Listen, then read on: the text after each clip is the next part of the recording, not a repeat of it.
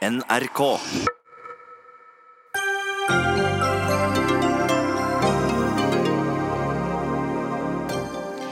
Dramatisk eskalering i forholdet mellom Washington og Teheran etter at USA likviderte en iransk toppgeneral med droner og attpåtil på irakisk jord. Norges utenriksminister sier hun er dypt bekymret over situasjonen, men mener hun da at amerikanerne burde latt være? En 16 år gammel jentes bunnløse savn etter en pappa hun ikke fikk tatt farvel med. Maud Angelica, resten av kongefamilien og Norge tok avskjed i bisettelsen til Ari Behn i dag. Datterens sterke tale hylles. Mange mener den både har gitt etterlatte et ansikt, og også gir et viktig budskap til mange som sliter. Og til tross for at han er regjerende verdensmester i tre sjakkgrener, er ikke Magnus Carlsen nominert til årets navn under årets idrettsgalla. Det er respektløst, sier en kommentator som kommer til oss.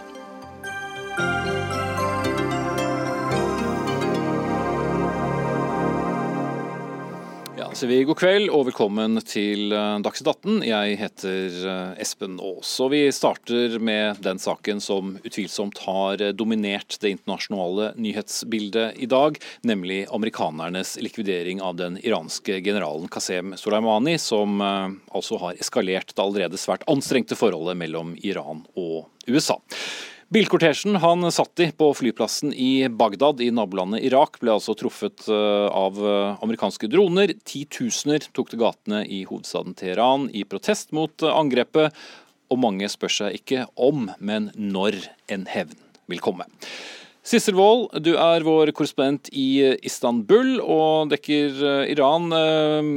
Hvor viktig, helt først, kan vi si at Soleimani var for Iran?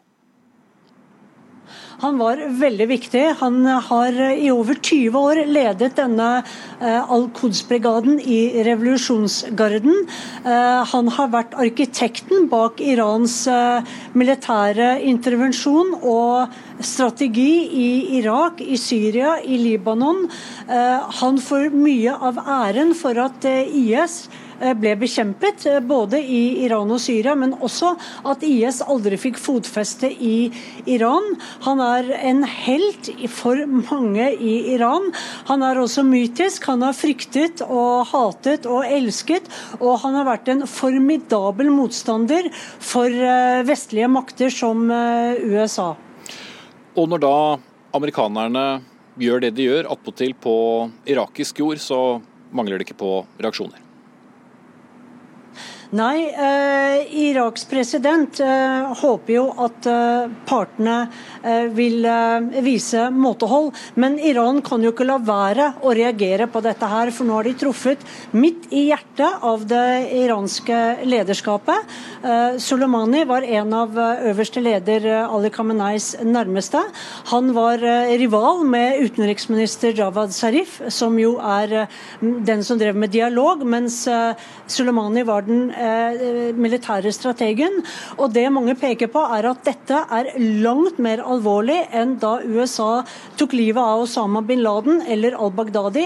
De ledet begge to terroristnettverk som gjorde enormt skade, Al Qaida og IS.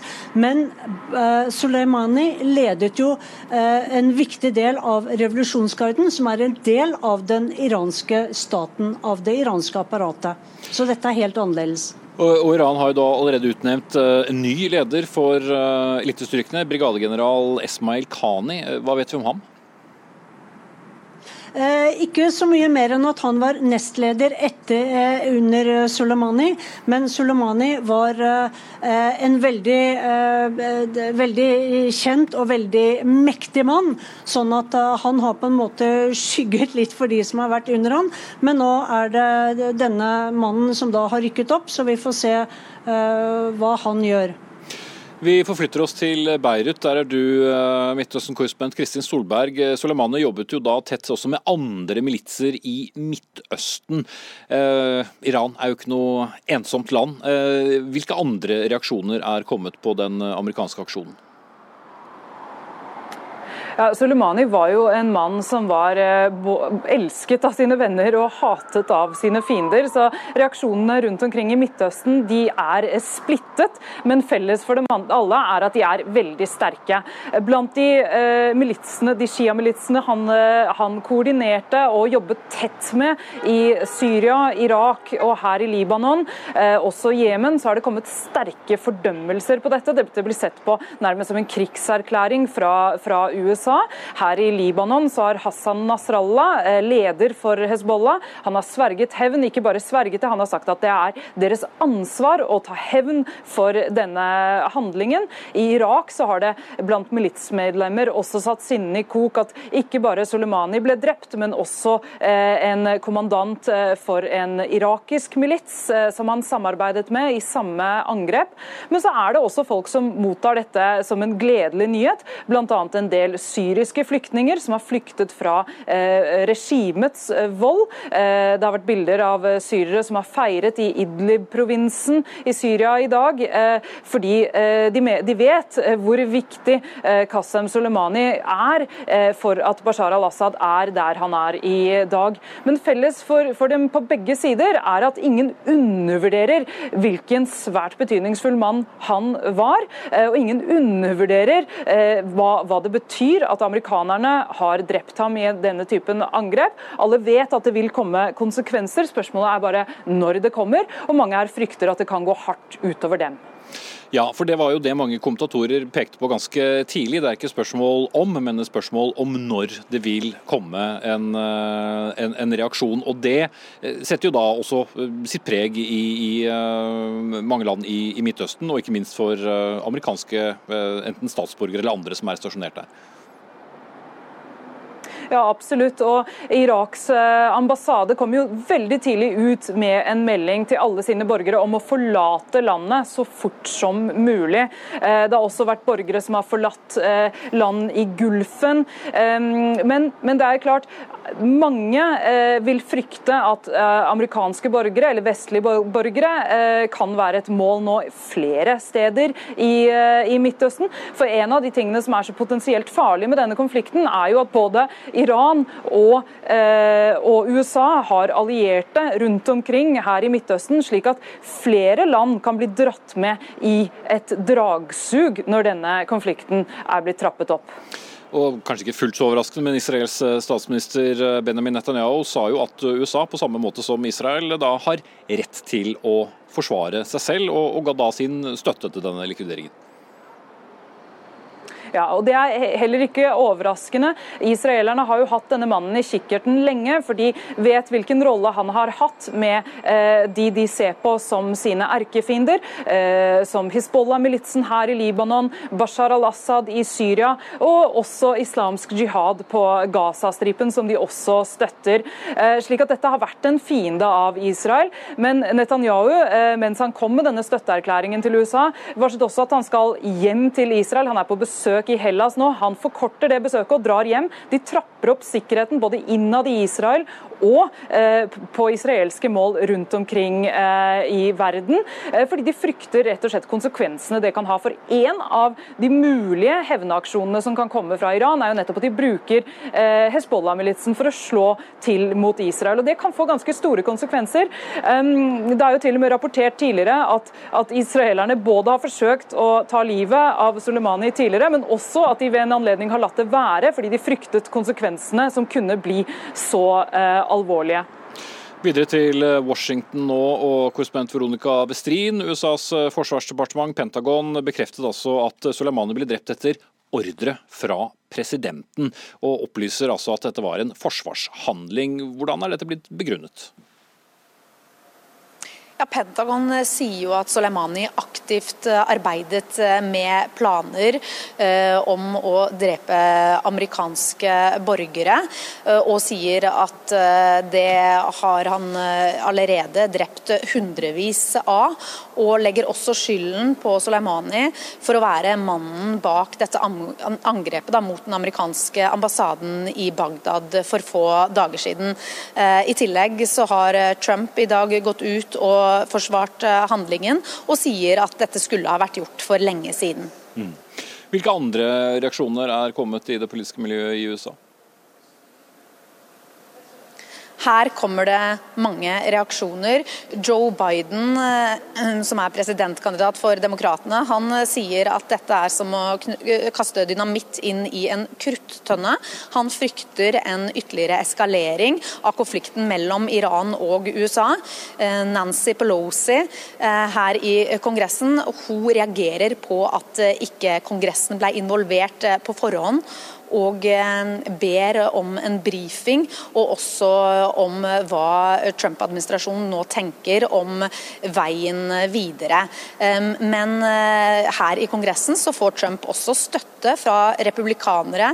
Hans støttespillere, senator Lindsey Graham f.eks., sa på at eh, wow, prisen for et amerikansk liv gikk akkurat betraktelig opp. og senator Ted Cruz han uh, har også vært ute og ment at dette var på høy tid. Mm. Og også Utenriksminister Mike Pompeo har kommet med sin analyse til uh, amerikanske medier for, for, kort tid siden, og, og hva sa han? Eller for noen timer siden? Ja, Han har gitt intervjuer både til CNN og Fox and Friends. og, og også han, han, mener at dette gjør verden til et eh, tryggere sted. Og utdyper også litt eh, disse, hva, hva, denne trusselen var. Selv om han ikke sier noe konkret om trusselen, så sier han at amerikanske liv var i fare i regionen. Det skal ikke ha vært snakk om amerikanske liv i fare her i USA. men eh, det kommer jo nå meldinger, i tillegg til som vi hørte, at eh, den amerikanske ambassaden eh, i Bagdad nå ber amerikanske borgere forlate Irak. Så kommer det meldinger, CNN melder om at i New York så har man høyna sikkerheten enkelte steder. Og Pompeo sier i intervjuet med Fox and Friends at en trussel man ser på her, er muligheten for internettangrep. Da sier vi takk til våre tre korrespondenter. Sissel Wold i Istanbul, Kristin Solberg i Beirut og til sist eh, Veronica Westrin eh, i Washington. Og fortsetter eh, hit til vårt studio, for vår Nato-allierte USAs droneangrep i Bagdad skaper jo også bekymring her hjemme. Begynner med deg, utenriksminister Ine Eriksen Søreide fra, fra Høyre. Ja, bare først spørre deg om din umiddelbare reaksjon da du fikk høre om, om angrepet. Vi, vi, uttrykte umiddelbart vår dype bekymring for den eskaleringa vi nå ser, og som vi egentlig har sett eh, over den siste halvannen uka, med både angrep på koalisjonsbaser, med gjengjeldelsesangrep, med storming av den amerikanske ambassaden, og nå altså eh, drapet på Soleimani. Det er ingen tvil om at Soleimani er en person, eh, han har vært sentral i iransk sikkerhetspolitikk i 40 år, er en person som har svært mange liv på samvittigheten, og er en betydelig destabiliserende og destruktiv kraft i regionen. Samtidig så er det vi nå ser en eh, dramatisk eskalering der ingen av partene strengt tatt har kontroll på denne eskaleringa. Og vi skal huske at dette føyer seg jo inn i et, eh, et mønster over det siste halvannet året etter at amerikanerne trakk seg fra atomavtalen, hvor USA og Iran har drevet mye politisk og militær signalisering, hvor det som har vært i potten, har vært eventuelle direkte forhandlinger så ser vi nå eh, veldig tydelig at den signaliseringa har jo også hatt en slags forutsigbarhet over seg. De har visst noenlunde hvordan de ville respondere og reagere, fordi ingen av landene har gitt uttrykk for at de ønsker en full konflikt. Eh, og så har de endra seg ganske betydelig den, eh, den, siste måneden, og det betyr også at kalkylene for eh, hva som kan bli motreaksjonene, også er endra. Derfor har vi hatt eh, både den amerikanske ambassaden og den iranske ambassaden inne i utenriksdepartementet Utenriksdepartementet i dag for å uttrykke vår dype bekymring, og også vår eh, klare oppfordring til å deeskalere og roe ned situasjonen. Selv om det er veldig vanskelig for partene nå. fordi eh, det å se for seg at en av partene alene, ensidig, skulle deeskalere, er nesten helt utenkelig. Mm. Men er da konklusjonen at eh, USA ikke burde ha gjort dette? Vi har som sagt uttrykt vår sterke bekymring for den eskaleringa som nå finner sted. Og den, den, skjer jo ikke i et vakuum. Den skjer jo fordi man over tid har sett både en politisk og militær utvikling som har vært eh, ganske dramatisk, og der jeg tror vi i dag verken kan eh, spå utfallet om hva som vil skje de neste dagene, eller de langsiktige konsekvensene av dette både i regionen, eh, men også selvfølgelig for, for våre interesser bredere. Vi har f.eks. et stort antall fartøy som til enhver tid befinner seg i regionen. Derfor så står vi i nær kontakt med Rederiforbundet. Eh, vi har jo selvfølgelig også våre ambassader og utsendte som vi eh, selvsagt nå vurderer fortløpende hvordan vi på best mulig måte kan eh, ivareta. Og vi er jo ikke alene om å gjøre de vurderingene, de gjør også alle andre land. Mm. USA og Iran har jo som vi vet et 40 år langt dårlig forhold helt siden revolusjonen i 79. Jonas Gahr Støre, leder av Arbeiderpartiet. Hvordan vurderer du dette angrepet? Burde vi vært foruten det? Vi vet jo ikke hva amerikanerne har sittet på av etterretning som gjorde at dette angrepet kom. Så det er vanskelig å uttale seg om det. At det er en kraftig opptrapping av konflikten, er det ikke noe tvil om. Eh, og Det er tydelig at president Trump her har ansett at det er verdt å gjøre det. Og Spørsmålet er er det en del av en plan, eller er det bare et slag for å markere amerikansk styrke. Og Det er riktig som eh, utenriksministeren sier, dette må jo ses i et litt lengre tidsperspektiv. Tilbake til atomavtalens eh, fratreden fra USA hvor jo egentlig Iran gradvis har markert seg sterkere og sterkere. Det er et regime under kraftig press, stor økonomisk krise. De har hatt intern motstand som de har slått ned ganske hardt. Eh, og amerikanerne eh, Og de bryter jo egentlig atomavtalen nå som et svar. Mm. Og Før jul så var det en del analytikere som sa hvem, hvem av de to partene er det som gir det første signalet om å roe ned situasjonen. Og det første signalet over nyttår er altså, er altså dette. Og Derfor så mener jeg at Altså Suleiman var jo en mann som hadde som et av sine mål å holde krigen unna Iran. Altså Han ville sørge for at det var spenninger i Gaza, i Libanon. Uh, han var aktiv i Iran. Brukte disse militsgruppene som Kristin Solberg og de andre snakket om. Som stedfortredere for Iran, og han holdt altså krigen unna Iran. Det som er interessant i tillegg, er jo det at Trump og han hadde én felles fiende, nemlig eh, IS, ISIL, som eh, jo nå er en litt ukjent faktor. Er de på vei tilbake i nye former? Hvordan vil det foregå? Så Det er veldig mange brikker som er i spill, og det er sterkt urovekkende for regionen, derfor for verden. Og selvfølgelig også for Norge, som har ganske store økonomiske interesser ved skipsfart og nærvær i regionen. Men en mann som da har vært en så viktig spiller, en, en edderkopp i, i, dette nettverket da i Midtøsten, kan vi også se noen fordel ved at han ikke lenger uh, da uh, er ledig? Det er jo som korrespondenten også var inne på, det er selvfølgelig mange sterke reaksjoner, men delte reaksjoner eh, i regionen på dette. Fordi han er eh, i Iran nærmest som en folkehelt å regne, men mange andre steder selvfølgelig det stikk motsatte. Og måten han har bygd opp militser som har operert i nabolandene og representert trusler ikke bare for vestlige interesser, men i høyeste grad også for eh, interesser i regionen, er selvfølgelig noe som er høyst kontroversielt. Det som er utfordringa nå, er at at eh, ingen egentlig har kontroll på hva som er de neste skrittene, hva som skjer videre. Eh, og det at vi nå fikk en, eh, en situasjon i natt hvor han da ble drept, har jo også ført til kritikk fra amerikansk hold, altså fra demokratenes side særlig, fordi de stiller spørsmål om dette er en plan, om det er en plan for hvordan politikken i Midtøsten skal se ut fra amerikansk side. Mm, Altså igjen, Denne mannen har blod på hendene. Eh, og det er jo ingen som og for seg eh, altså Han var en kriger, og det var det han også sto for. Men det, han var et nasjonalt ikon. Og problemer med martyrer er at de lever lenge. Slik at For regimet så er jo dette et regime som er ganske utsatt. Det har vi jo sett at vanlige mennesker har protestert for dårligere økonomi og mange forhold. Eh, de får nå et samlingspunkt. Og Det har vært amerikansk linje i Afghanistan andre steder å ta ut folk på toppene, men det er jo en dynamikk her om at det kommer en etterfølger umiddelbart. Og Det kan være etterfølgere som er mer radikale. Eh, Det slår meg litt. altså Israelerne har fulgt med på denne mannen lenge, de kunne tatt han ut. Eh, det var sagt om Yasir Arafat, PLO-lederen lenge. Israelerne kunne tatt han ut, men de så interesse av å beholde han som en fremtidig mulig partner. Og Soleimani var en av dem som kunne tvinge gjennom at iranerne respekterte, avtaler. Når han er borte, så kan det også føre til radikalisering, og ikke nødvendigvis enklere for USA. Mm. Anders eh, Romarheim, du er forsker og leder for Senter for internasjonal sikkerhet ved Institutt for forsvarsstudier. Det er jo også et bakteppe som begynte i, i, i romjulen med da disse angrepene på USAs ambassade da i, i Bagdad eh, i Irak. Ble det da også eh, hva skal vi si, et, eh, et godt tidspunkt for eh, amerikanerne å vise muskler? Ja, om tidspunktet er godt, det er vanskelig å si. Men eh, uh, jeg vil si at 2019 har vært et veldig dårlig år for de bilaterale relasjonene mellom USA og Iran. Det har bare gradvis blitt verre. Norsk og britiske skip har vært involvert. Det har vært skutt ned droner. Du har hatt et rakettangrep som krysserraketter og lignende som Trump gir ordre til, for så å i siste time avblåse det hele. Sånn at det har bare gradvis gått dårlig dårligere og dårligere.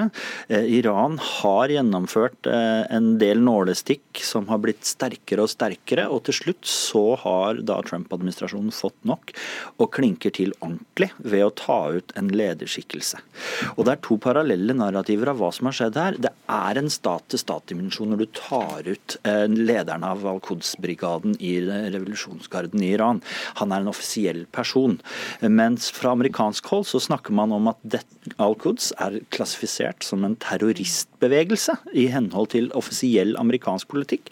Og måten, altså Operasjonsmønsteret vi ser her, er velkjent. Obama gjorde det, og Bush gjorde det. Droneangrep for å ta ut lederskapet og de mest farlige skikkelsene i terrorgrupper. Så Det er det USA mener de har gjort i dag. og Det er, det er også en narrativ som har en viss sannhet i seg. Så eh, Vi ser på en måte at de to landene seiler fra hverandre med ulike verdensoppfatninger, og nå har vi da en hendelse som de de ser helt ulikt på. Mm, Søreide. Jeg tror også rent politisk at en av de konsekvensene vi kan komme til å se, er at dette drapet styrker de mer konservative kreftene i Iran. De som ikke ønsker direkte forhandlinger mellom USA og Iran. Og En av årsakene til det er jo at selv om det var en rivalisering mellom eh, det sittende regimet og Soleimani, så har ikke det iranske regimet noe særlig annet valg enn å nå gå ut og på sett og vis forsvare Soleimani eller hans ettermæle. Eh, og Det betyr igjen at eh, eskaleringsfaren er helt reell. Eh, det som har skjedd de siste, den siste uka er dramatisk på, på, begge kanter. Eh, og Det betyr også at den, eh, det arbeidet som både EU, vi og andre gjør for å forsøke å bevare atomavtalen, blir ikke mindre viktig, men det blir heller ikke mindre vanskelig. Mm. Og, Støre så er jo spørsmålet omfanget nå av den usikkerheten som kommer. En ting er jo eskaleringen mellom Iran og, og USA, men som vi så vidt har vært inne på tidligere, så kan jo dette få omfang for langt, langt flere. Det kan det. og Derfor så mener jeg at vi skal, tar vi et steg tilbake igjen, så skal vi tenke på altså, hva, hva blir Norges uh, valg i denne situasjonen. Vi har økonomiske interesser der sammen med andre land. Vi er opptatt av å holde skipsfarten uh, kan seile fritt. Men det er jo også et uttrykk for at denne atomavtalen, som jo er sterkt utsatt, den eksisterer jo fortsatt. Og det er land som slutter opp om at vi respekterer avtaler. Så vi skal ikke være med på den galeien USA har åpnet der. Selv om ikke vi er part i avtalen, så støtter vi den avtalen. Og Punkt to er jo hva er det USA nå? Hvilken plan er eh, planen til Trump? Jeg syns det er vanskelig å se en plan. Jeg tror det er som sagt et nålestikk som man har brukt den store hammeren på. Han er jo en leder i utenrikspolitikken som har valgt å være ganske risikopreget. Altså Han tar ikke risiko, han, han viker tilbake. Nå har han virkelig tråkket til. Og spørsmålet da, er det en plan? Og Hvis det er en plan som iberegner at land som Norge og Nato-allierte skal være med på, på, løpet, så mener vi å være veldig tydelige på å si at det er vi ikke. Mm -hmm. Ja, for Det blir jo skvis her. Altså, det er jo et Nato-land, det er jo en alliert. Og men det er ikke en Nato-operasjon? Nei, det er ikke Nato-operasjon, men, men likevel Nato-alliert. Så det er jo vanskelig å være likegyldig til, uh, til, det som skjer. Også fordi det kan påvirke norske interesser. Sørøde. Ja, og Det er jo også en av grunnene til at vi allerede i dag hadde både den amerikanske ambassaden og den iranske ambassaden inne for å formidle vår tydelige bekymring, uh, men også for å formidle hva vi forventer av deeskalering. Eh, fordi begge parter har nå et tydelig ansvar for ikke gjøre dette til en eh, potensiell storkrig i regionen. Og min bekymring er ikke bare hva eh, en statspart skulle velge å gjøre, altså enten iranske myndigheter eller USA, men også hva f.eks. et folkelig opprør kan ha å si. Det har vi allerede sett når det gjelder både muligheter for storming av ambassader og, og andre ting. Og jeg tror også vi skal være klar over at det i Irak nå over noe tid har vært betydelig kritikk også av det internasjonale og det amerikanske styrkenærværet. Det er en diskusjon som sannsynligvis kommer til å tilta i styrke, med de konsekvensene det kan ha for kampen for ISIL og tilstedeværelsen til bl.a. amerikanske styrker. Ja, for jeg skulle komme inn på det også, Romerheim. Dette angrepet skjer jo da i tillegg på irakisk jord. altså Samtidig som jo selvfølgelig den iranske militsens angrep på ambassaden skjedde også på, på irakisk jord. Men gjør det noe med dynamikken? Jeg syns det gjør det. Eh, hvis du hadde tatt ut eh, et, dette målet inn på iransk territorium, så ville det vært en veldig mye sterkere suverenitetskrenkelse. Det er fortsatt veldig oppsiktsvekkende og kontroversiell operasjon. Og en ting som jeg tror det er veldig viktig vi tenker på nå, er, er hvilken presedens settes her for internasjonal politikk. Og drives framover, eh, av og til litt som et anarki. Og når du ser da en tiltagende grad av politiske likvideringer, særlig fra russisk hold, men eh, Nord-Korea og andre land benytter det. Og nå også gjør USA det, og sier det åpent. Dette her er en lederskikkelse i statsapparatet som vi tok ut. Eh, hvor det skal ende, det tror jeg Det tør jeg ikke spå. Nei, Det er mye som er vanskelig å spå her, men, eh, men, men det, jo, det, sender jo et ganske kraftig signal når en supermakt som, som USA tar ut da, et mål eh, på den måten. For dette er spektakulært, men dette har de drevet med lenge. Mm. Så det er ikke nytt at de, at de gjør det. Og, men det er riktig som Romarheim sier, det er en tendens. Men jeg har lyst på å peke på én ting til. og det er at nå snakker vi ofte om den arabiske våren 2011, den som på en måte ble knust og er lagt ned. Men det er noe på gang i denne regionen. Vi har jo nå sett i de siste månedene folkelige opprør i land i protest mot vanstyre, korrupsjon, arbeidsledighet, dårlig økonomi. i Libanon, Iran, delvis pga. et eh, regime som etter min mening er eh, ikke tjener folk, men også under kraftig sanksjonspress, og Irak. Så det er, det, er, det er, flere lag som her er i bevegelse og gjør regionen veldig veldig uh, ustabil når vi går inn i 2020. Mm. Og Der er jo også noe av paradokset knytta til timinga for dette. Fordi akkurat nå så er det faktisk såpass mye bevegelse i retning av å presse bl.a. det iranske regimet. Gjennom eh, folkelig mobilisering, eh, gjennom endringer politisk som vi har sett i mange av landene i regionen. Eh, det er jo nå effektivt slått tilbake. Og det vil altså igjen si at de konservative kreftene, eh, ikke i betydningen konservativ som vi kjenner det, men mer de, de religiøst konservative? Ja, de religiøst konservative og de som ikke ønsker en dialog med USA eller Vesten, vinner jo da nytt fotfeste. Og det er en utvikling som da betyr at du setter tilbake mye av det gryende folkelige om ikke opprøret, så i alle fall mobiliseringa vi har sett, som kunne ha ført til politiske endringer hvis det hadde fått fortsette. Det er ikke sagt at Utenriksministeren i Iran, som jo ikke var noen venn av denne mannen som nå ble drept, når han eh, fordømte drapet, mm. så gjorde han referanse til at nå blir det vanskeligere å bekjempe ISIL. Eh, så Det er det poenget han da løfter fram. Eh, eh, og det er jo igjen, Her hadde faktisk USA og Iran en felles fiende. Og så har det blitt ropt død over Amerika under disse steinkastingene og angrepene mot den amerikanske ambassaden. Men plutselig så kan jo det bli en realitet i en eller annen form. Men det er jo vanskelig å se for seg hva iranerne vil tenke er en passende motreaksjon, Romarheim? Ja, det, det, blir veldig spekulativt. Eh, eh, men det er klart det ser veldig stygt ut hvis du bare speiler eh, en sånn titt for tert proporsjonal respons. Så er jo plutselig militære og etterretningslederskap i USA aktuelle direkte mål. og Det er derfor jeg er så bekymra for presedensen. Men det er klart seilinger i Hormuzstredet kommer jo ikke til å lettes av dette. Det kommer til å komme en eller annen form for motreaksjon. Men vi skal da heller ikke glemme at voldsnivået og provokasjonene var betydelig forut for dette. Så det er jo ikke sånn at nå skjer dette, og så blir Iran umulig å ha med å gjøre i regionen. Iran har vært en destruktiv kraft i veldig mange prosesser der veldig lenge. Men det var en konstruktiv prosess i atomavtalen som Obama førte fram, men som Trump eh, bare valgte å kaste, i likhet med en rekke andre multilaterale avtaler. Eh, nær sagt fremstår det fordi han er en bilateralist og ønsker å gjøre det bilateralt. Det blir uh, iallfall uh, spennende å se hvordan denne dramatiske eskaleringen uh, fortsetter. Takk til uh, Ine Eriksen Søreide, utenriksminister fra Høyre, Arbeiderpartileder Jonas Gahr Støre og Anders Romarheim fra Institutt for forsvarsstudier. Hør Dagsnytt 18 når du vil. Radio NRK Radio.nrk.no.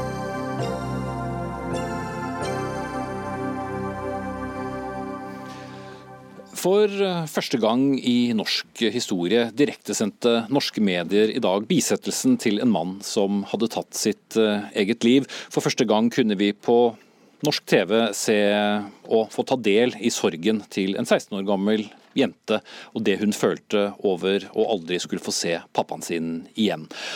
Ari Behn ble bisatt i Oslo domkirke i dag. Norges kongefamilie, som også var en del av den nærmeste familie, tok farvel sammen med vennene, en rekke toppolitikere, kolleger og også veldig mange andre som følte at de ønsket å ta eh, farvel. Og Kulturkommentator her NRK, Agnes Moxnes, du fulgte da og kommenterte denne eh, bisettelsen. Da vi snakket sammen for noen timer siden, så var vi for så vidt enige om at det er vanskelig å sette ord på hva vi så. Men hvis vi skal forsøke? Altså, jeg vil jo først og fremst konkludere med at jeg syns det var en, altså rett og slett en, en, vært en historisk eh, dag. Eh, som eh, involverte noen av Norges, eller Norges mest berømte familie, altså kongefamilien. Og eh, Norges mest berømte svigersønn, eh, Ari Behn, og, og, da familien hans. Eh, som ønsket en åpen kirke, og at hele denne seremonien skulle kringkastes i dag. Eh, og når en bisettelse eh, etter et selvmord blir formidlet på en sånn måte, da har det skjedd et eller annet.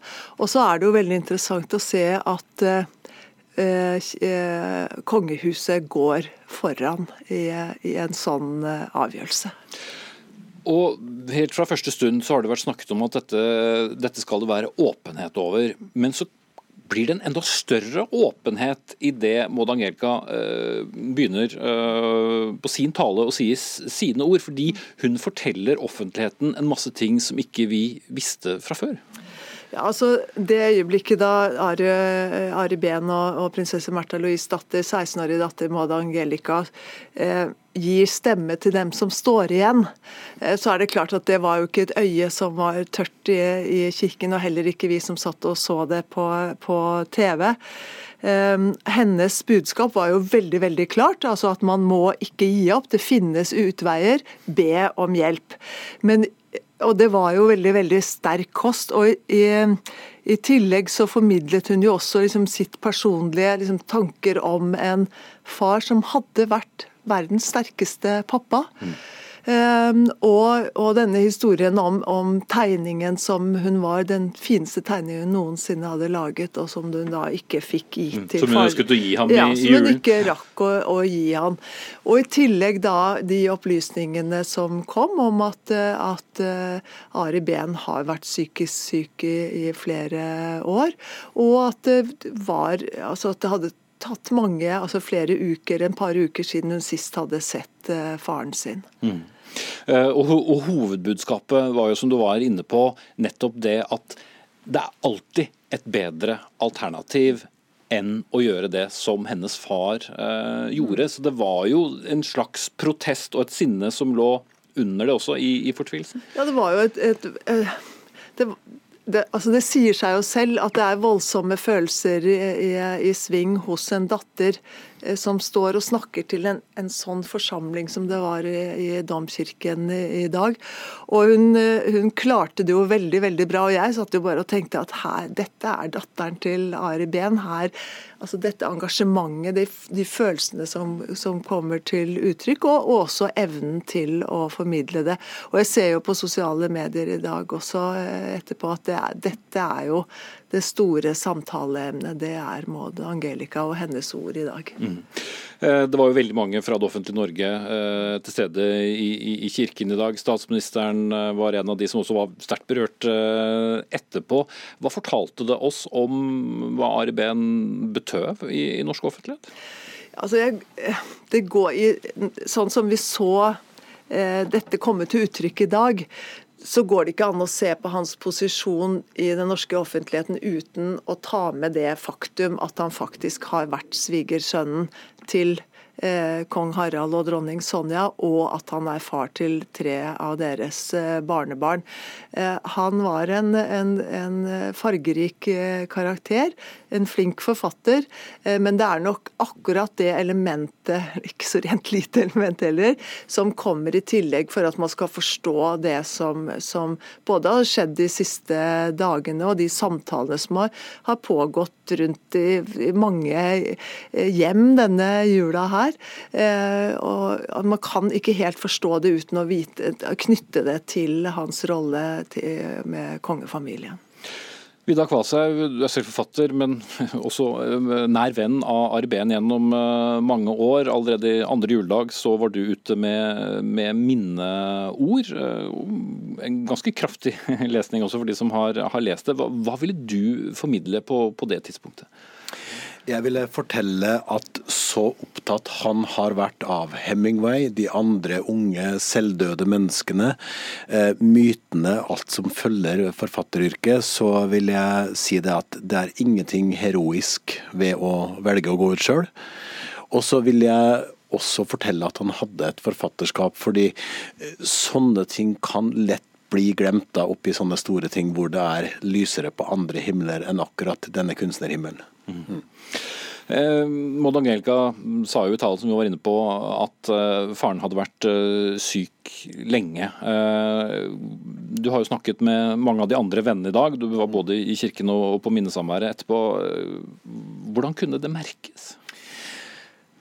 Alle har forskjellige historier om hvordan de har merka det, hvordan de ikke har merka det. Og det er jo ofte det da, at eh, mennesker som er syke, men som ikke helt vil innrømme det, er også flinke til å skjule seg til ikke å søke hjelp. Eh, så eh, noen mener de har merka det. Jeg har eh, hørt om det, blitt gjenfortalt at han ikke hadde det så lett. Men noen diagnose er vel ikke satt. Og, og, og det er ingen som kan ta dette på seg sjøl. At man, man, tenker hele tida jeg, jeg kunne ha gjort mer, du kunne ha gjort mer. Men i dag så var det ikke tiden for det. Mm.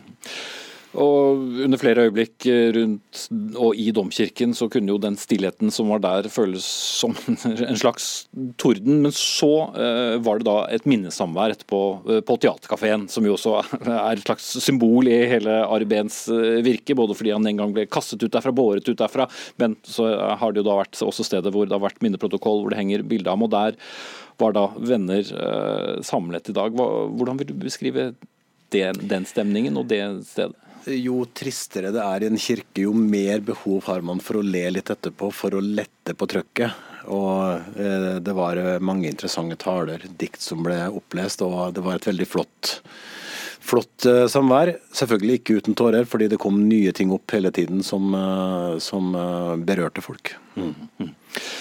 Og denne, Hans død berørte da mange utover uh, hans nærmeste krets av familie og venner. Og, og Helga Haugland Byfuglien, preses i, uh, i bispemøtet, du er med oss fra Trondheim. Uh, hvorfor tror du at så mange har reagert så sterkt, og, og, følt også så sterkt at de ville ta del i, dette, i denne sorgen på en eller annen måte? Jeg har tenkt at det er tre perspektiver der. Jeg tror for det første at mange følte at de kjente Ari Behn som en uh, ung mann som uh, snakket om følelser på ny måte. Mange av oss husket den vakre talen han holdt uh, til sin brud i Trondheim da han giftet seg med prinsesse Märtha Louise. Han åpnet også etter at, at menn kan gråte, tror jeg. Han var en person som hvis han hadde møtt han en gang og to og snakket litt med han, så husket man han som en, en veldig varm person. Så tror jeg også at det har eh, stor betydning, som det ble nevnt i sted, at eh, han var, har vært en del av den kongelige familie. Som så mange i eh, landet vårt er glad i. Som man kjenner en stor medfølelse med. Og ikke minst de tre barna. Mm. Og så er det det tredje, som jeg tror også betyr ganske mye her, og det er jo den måten han døde på. At han valgte å gå ut av livet. Det også utløser mye følelser, og ikke minst for de som selv har opplevd selvmord i nær krets. Mm. Uh, og Det mange jo har pekt på både i tiden etter første juledag, da dette ble kjent, men også etter Modangelkas tale i, i, kirken i dag, er jo at dette forhåpentligvis i hvert fall kan endre den måten som vi forholder oss til eh, selvmord på eh, i offentligheten? Tror du det? Ja, altså, Den måten som eh, hele seremonien i kirken, men ikke minst hennes tale, hvordan den balanserte opp dyp kjærlighetserklæring til en flott person, og jeg følte nesten at Maud Angelica nærmest inntrengende nesten ropte ut den fortvilelsen som hun ønsket at skulle føre til at flere søkte hjelp. At ikke det er noen løsning, ikke noe menneske ønskes ut av verden, men alle kan gi kjærlighet og få kjærlighet. Og det sterke ønsket om at dette skulle bli hørt av mange. Det syns jeg var en, utrolig moden og modig måte å formulere seg på, som gjorde også dypt inntrykk på meg. Mm. Budskapet om at det, det finnes alltid en bedre løsning. Det finnes alltid håp, det finnes alltid lys. Det er aldri helt håpløst. Det gikk gjennom seremonien, og det syns jeg hun formulerte på en så gripende måte, så ektefølt. Og jeg tror at det er noe som mange bærer med seg. Mm. Therese Grøm, du er generalsekretær i LEVE, altså Landsforeningen for etterlatte etter eh, selvmord, og som har vært inne på mange lovord for denne sterke talen, som jeg tror de som ikke hørte den da den ble formidlet, i hvert fall enten har hørt eller lest i, i ettertid. Det at hun henvender seg til andre som sliter psykisk, og som har tenkt på at det finnes nå bare én utvei, og det er at alle andre får det bedre uten mm. meg, eh, som er veldig vanlig. Hvor viktig tenker du det budskapet? Mm. Jeg tenker at det er eh, det er så viktig, fordi eh, hun setter det egentlig på plass for hva det handler om. Eh, det hun sier, som også ble nevnt i en stor fortvilelse, om at det, det blir ikke bedre uten deg. Og vi vet at det er veldig mange selvmordsnære som bærer akkurat på den følelsen, at de er en byrde for sine omgivelser og ikke føler at de har noe plass i verden. Og det kan være en uutholdelig smerte. De aller fleste ønsker ikke å dø, men de orker ikke å leve med den smerten.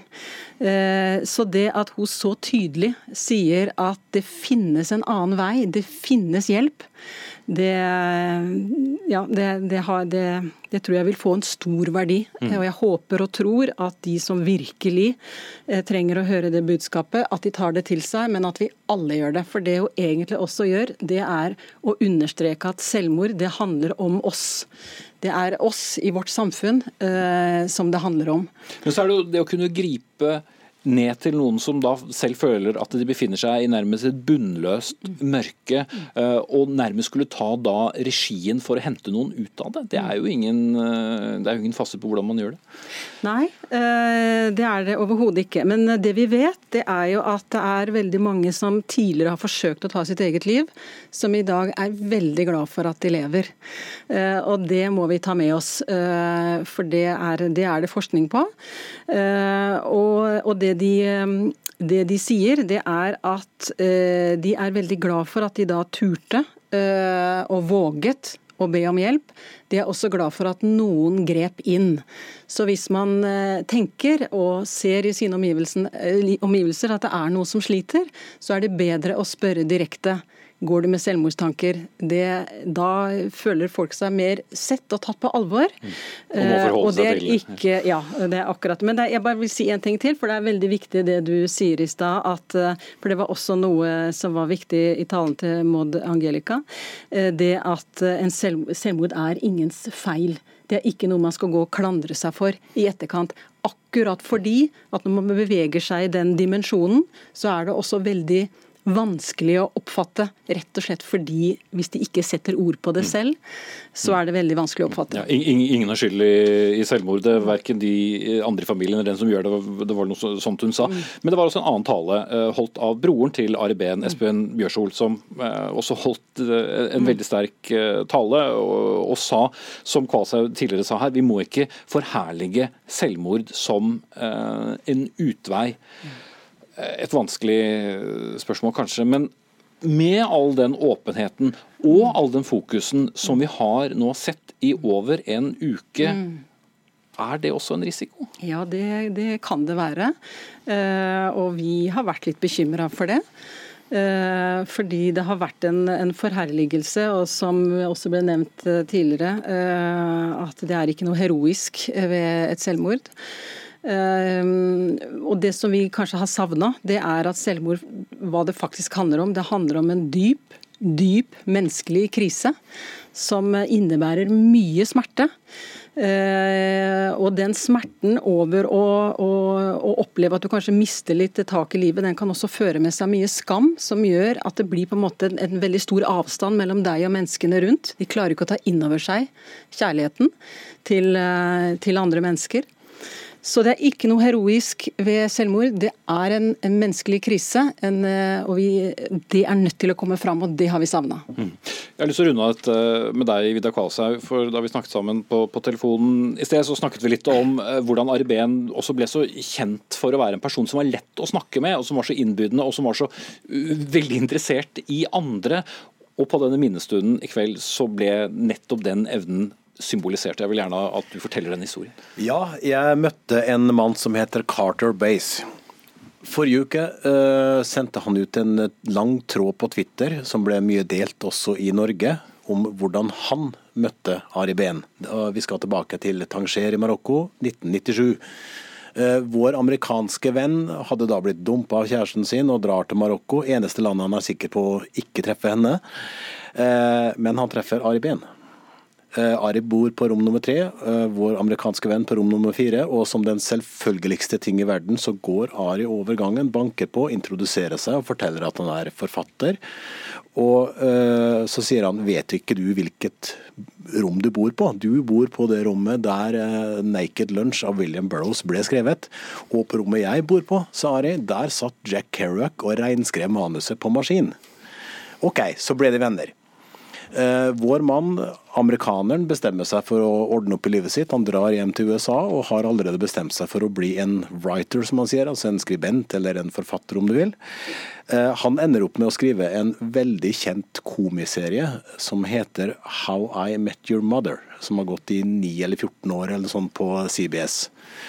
Og etter noen år så er jo internett kommet, og han begynner å tenke på denne forunderlige nordmannen som han møtte. Eh, og, og, han må det jo ha blitt noe av, så hvis jeg googler denne nordmannen, Ari Behn, så vil jeg finne et eller annet.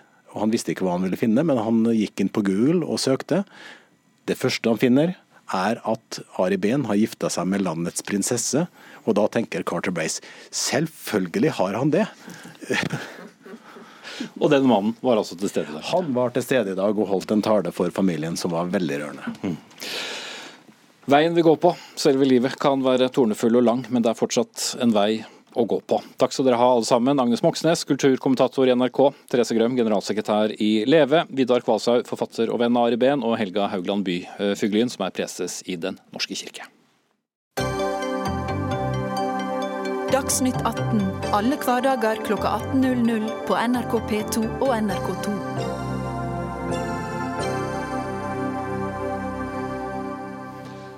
Ikke et eneste tap på 107 partier klassisk sjakk og to verdensmestertitler i 2019. Likevel, det holdt ikke til en nominasjon til årets navn under den kommende idrettsgallaen. For hvem? Jo, selvfølgelig Magnus Carlsen. En tittel han for øvrig vant i 2014. Carlsen selv har uttrykt misnøye med den manglende nominasjonen på sosiale medier, og i VG skriver du, kommentator Leif Elhaven, at den manglende nominasjonen er respektløs overfor både Carlsen og det norske folk. Har han en slags hevd på å være nominert? Det er tolv kandidater til en pris som folket skal stemme frem. Da er det respektløst overfor Magnus Carlsen med de resultatene han har, at ikke han kan altså stå på menyen for hvem det er anledning til å stemme frem. Det er respektløst overfor det norske folk at juryen, altså da Idrettsforbundet, kontrollerer, altså tilraner seg en premissettende makt på den ene prisen, hvor det faktisk er folket som har makten som, og for hvem som skal få den eller ikke.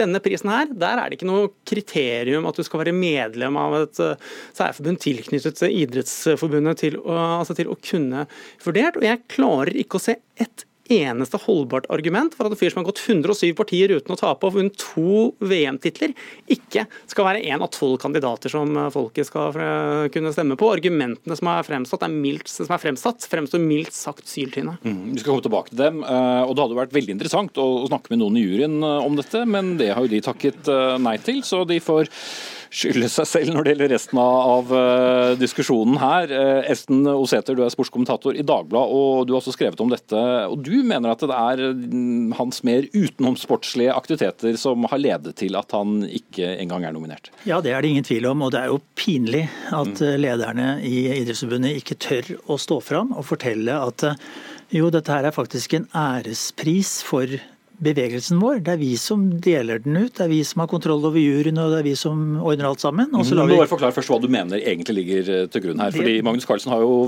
vært diskutert bl.a. i dette studioet tidligere ja, ja, ja. i fjor. Han, eh, ikke for sine prestasjoner, men for helt andre ting. Ja, fordi at uh, i fjor sommer så, så foretok han et angrep på norsk frivillighet som var ganske voldsomt. Eh, da tilbød han seg, og, eller si han gjorde mer enn det, han finansierte 1000 stemmer. Han kjøpte stemmer. Altså Han dopet et valg i en frivillig organisasjon. Eh, og det valget skulle gjøre det slik at en sponsor skulle få lov til å bestemme hvilke meninger en frivillig organisasjon skulle ha. Det er ganske sterkt. Mm. Og det er så sterkt at det går imot alle verdiene i et frivillig arbeid. Og når man skal, da skal dele ut en ærespris for det akkurat det året, så syns jeg det er mer enn umusikalsk å gi den til en som har sabotert det arbeidet. Mm. Så det, Du mener det er den reelle årsaken? Ja, det, er jo, det er jo årsaken, og så kan man jo være enig. Men vet du det? Ja, jeg vet det. Eh, men, okay. men, det, men det når ikke noen tør å komme og fortelle at, eh, at Esten, der vet du feil, så, så, får det være deres problem.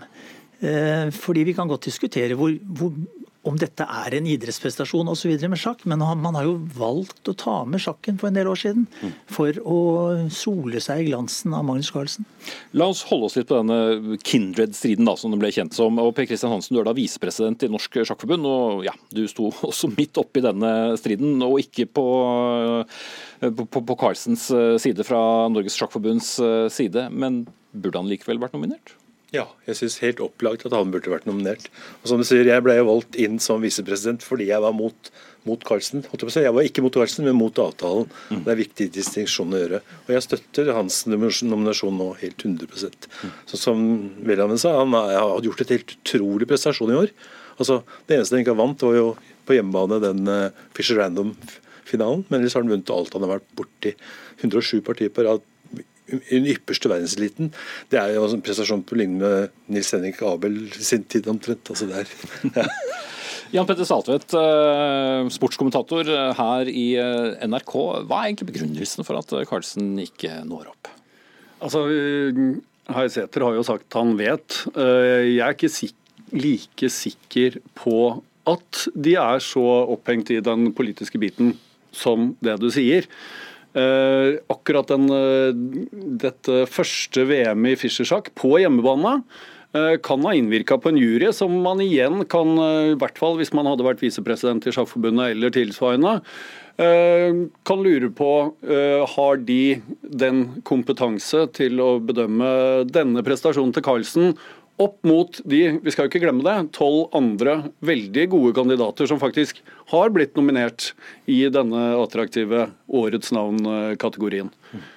Men eh, det er jo ikke lett å være uenig i at Magnus Carlsen burde vært en soleklar kandidat i den sammenhengen, og argumentasjonen som brukes med at man skal ta med alt som skjer i romjula i et år, over i neste år har de jo ikke da brukt uh, i årets uh, utvelgelse av kandidatene. Mm. Mens han da i veldig mange uh, norske sjakkelskende personers umiddelbare hukommelse gjorde han jo en, litt av en prestasjon mens vi alle hadde, hadde julefred. Men, men Welhaven, hva skal da være argumentasjonen for å ikke gi han? Altså, jeg ser rett og slett ingen gode argumenter her. Jeg mener at det er noe med premisset som er, altså blir veldig galt her. For hvor har vi det fra at dette skal være en politisk pris?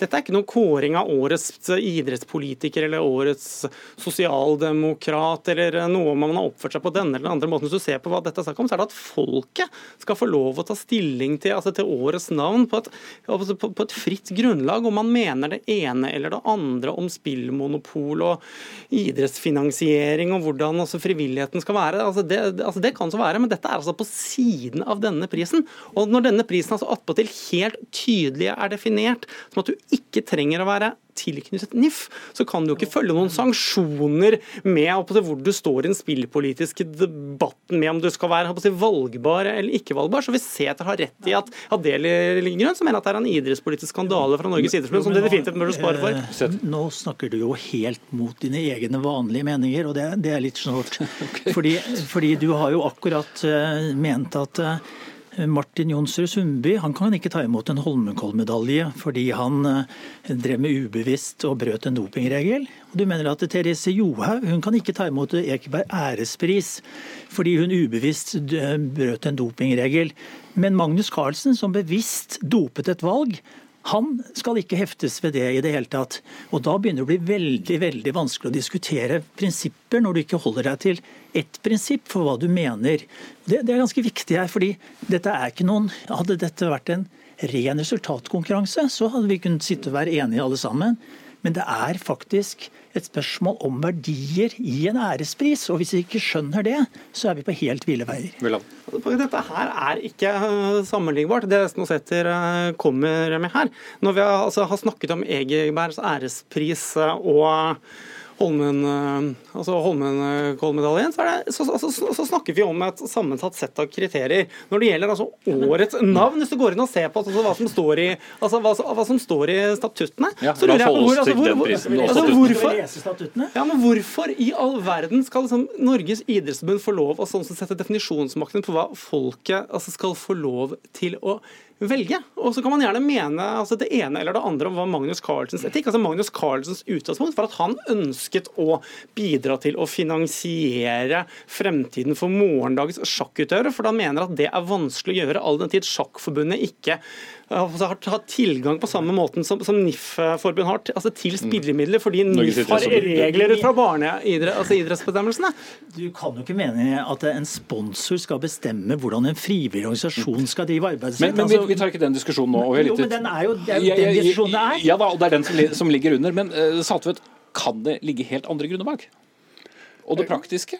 Altså, Det praktiske jo, er jo det eneste juryen har sagt noe om. Nemlig. Uh, som jo er en uh, litt spesiell begrunnelse, vil jo noen mene. I den grad de sier disse nominasjonene må være klare siste uke før jul. Mm. Hvis denne fristen for dette har blitt tøyd og bøyd i mange år for å få med resultatene i håndballmesterskapene, som har gått helt opp til 22.12. hvert år, hvorpå de aldri kunne ha hatt de endelige listene før den mandagen etter. Så det argumentet til Øvrebø virker veldig konstruert eh, i bakkant. Og de, de visste jo at det kom eh, et aldri så lite sjakkmesterskap i Rommel? Et aldri så lite som hadde gjort at de kunne holdt uh, nominasjonsplasser åpne. De kunne i hvert fall ha venta med å satt i gang denne um, avstemningen, som de bruker som argument nå, at det har kommet inn 100 000 stemmer allerede. Disse stemmene kunne kommet fra si første i første til fjerde i første. Mm. Per Kristian Hansen, du som kjenner Norges Sjakkforbund og, og sjakkmiljøet fra, fra, innsiden, hva sies der? Nei, Stemningen er der, eh, ikke unisont, men er for Magnus Carlsen, helt klart. Bare si en ting om romjula og nominasjon. Hadde de tatt med romjula, skulle de tatt med fjorårets romjul, hvor også Magnus Carlsen vant lyrsjakkmesterskapet. Mm. Så den eh, ja. Men det er jo en, en tydelig grunn her til at dette skjer, at vi ikke har idretten på plass her i det hele tatt. Og det er fordi idrettene ikke er ferdig med sin egen presidentvalgkamp. Der den vinnende kandidaten tok imot hjelp av en sponsor, og til og med en hemmelig avtale. Så hun sitter i akkurat de samme problemene som Sjakkforbundet hadde sittet i. Ja. Hvis, hvis, nå, nå, er ikke hun her, og vi har altså bare jo, helt, Jeg skjønner det, men, men, eh, det er under et minutt igjen av sendingen. Vel. Og Helt uavhengig av hva man mener om den presidentvalgkampen, så har du også Tore Øvrebø som eh, leder Olympiatoppen, som har alle muligheter til å sitte her og forsvare dette, helt uavhengig av hva man mener om Kjø, Berit eh, Kjøls valgkamp. Og Hvis det er én ting jeg for en gangs skyld er enig med Skoseter i, så det er ikke veldig ofte, så er det faktisk altså at NIF ikke evner å forsvare seg selv i den saken. Det gjør ikke noe sted hjemme. Nei, det gjør ikke det. Det er jo ikke så lenge til årets navn da blir kjent, Jan Petter Saltvedt. Men blir det, blir det stående igjen i et litt under lys, eller vil man til slutt glede seg over Vi får jo se hvem som vinner. La oss tenke at en Karsten Warholm kanskje vinner dette. Så er det ikke så mange som kommer til å diskutere dette i bakkant. Og så får vi se om Martin Ødegaard kan komme seg tilbake til klubben han har utlånt fra, som er Magnus Carlsens favorittklubb. Så kanskje han kan ta over hele heder og ære og alt sammen neste år. Mm. Fasiten kommer i nær fremtid. Takk til alle kommentatorene her. Esten O. Sæther fra Dagbladet, Leif Elhaven fra VG, Jan Petter Saltvedt i NRK og Per Kristian Hansen som er visepresident i Norges Sjakkforbund. Det var Fredrik Lauritzen som hadde ansvaret for dagens sending. Lisbeth Sellereite tok seg av det tekniske. Jeg heter Espen Aas, og vi ses i en ny sending rett over helgen. Ha en god helg.